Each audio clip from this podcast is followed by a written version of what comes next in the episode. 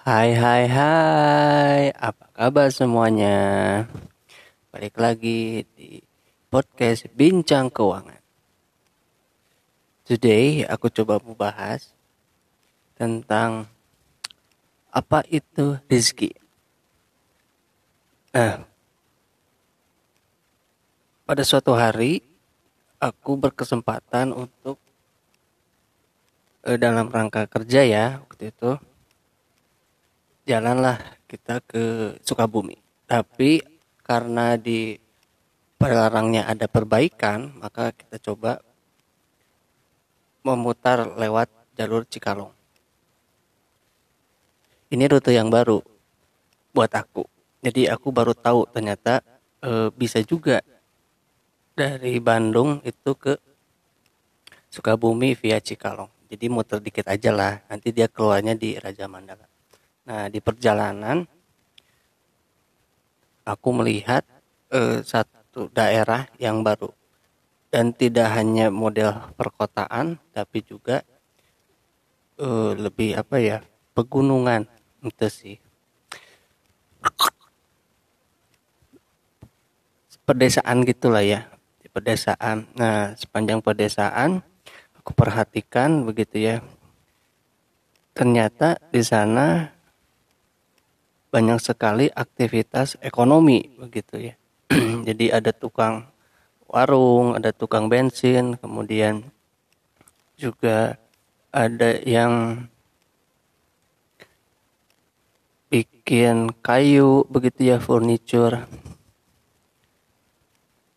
Padahal di dalam benak aku gitu ya, kalau yang mau namanya bekerja itu atau menghasilkan uang tentu harus di tempat yang ramai. Ternyata di pedesaan sekalipun e, mereka masih bisa melaksanakan atau memberlangsungkan kegiatan ekonominya. Artinya dari sana aku mendapatkan pelajaran bahwa di mana pun kita hidup, mau di kota, di desa, bahwa yang namanya rizki itu bisa kita dapatkan. Karena rizki itu bukan kita yang jamin, bukan juga kita yang kasih. Tapi rizki itu dari Tuhan semesta alam, begitu. Tugas kita kan hanya mencari, ya, mencari apa itu rizki.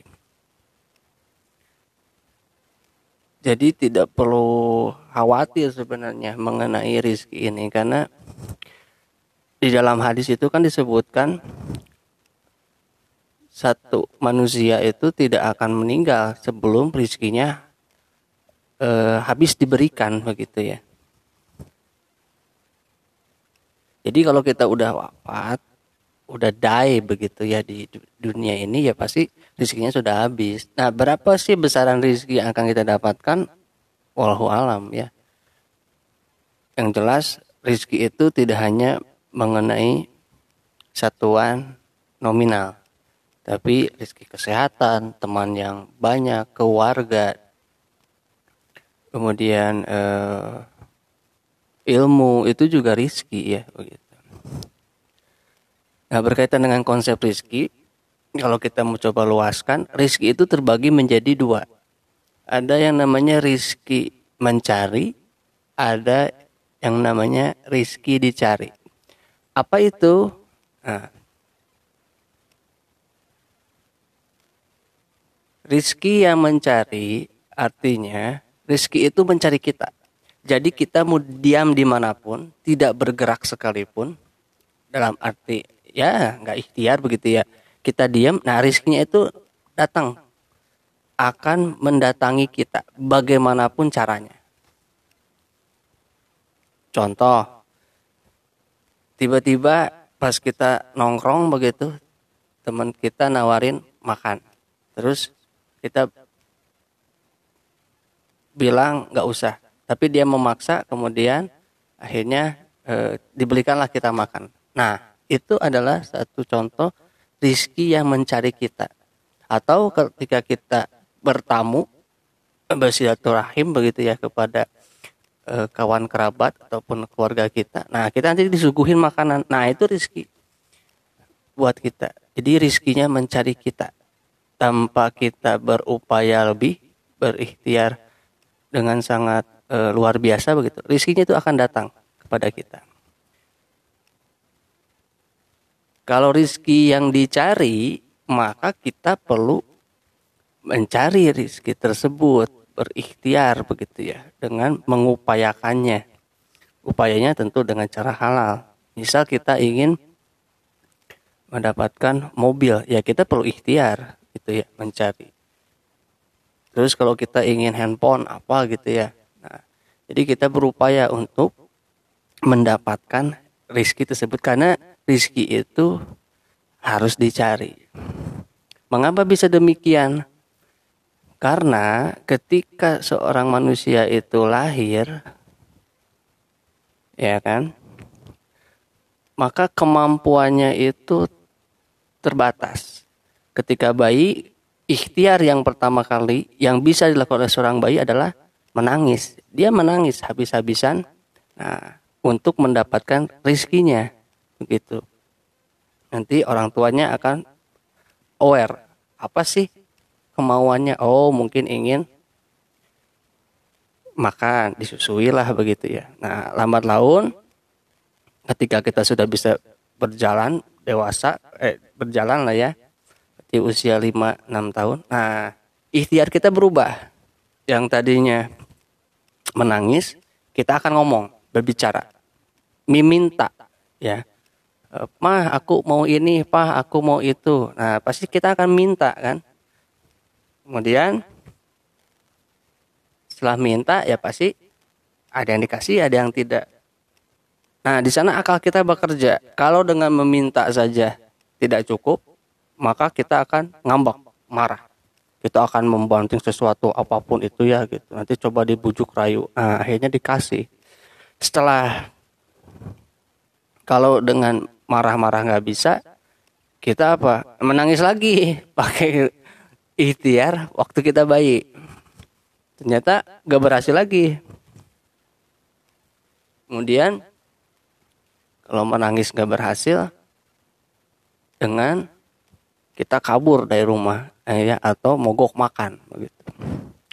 Sampai akhirnya akal kita menyimpulkan oh nggak bisa dengan cara kita menangis mogok maik mogok makan begitu lain lain sebagainya. Kita akan berupaya.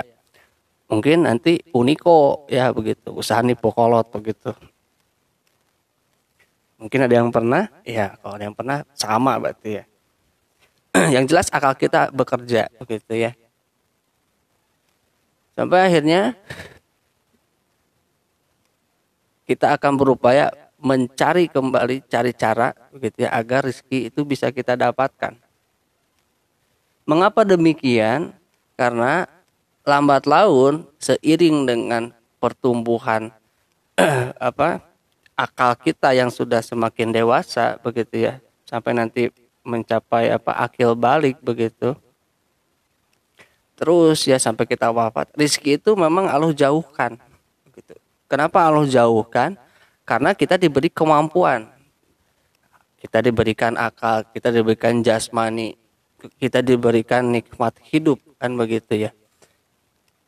Jadi tujuannya agar kita lebih mengembangkan begitu ya potensi yang sudah Allah berikan.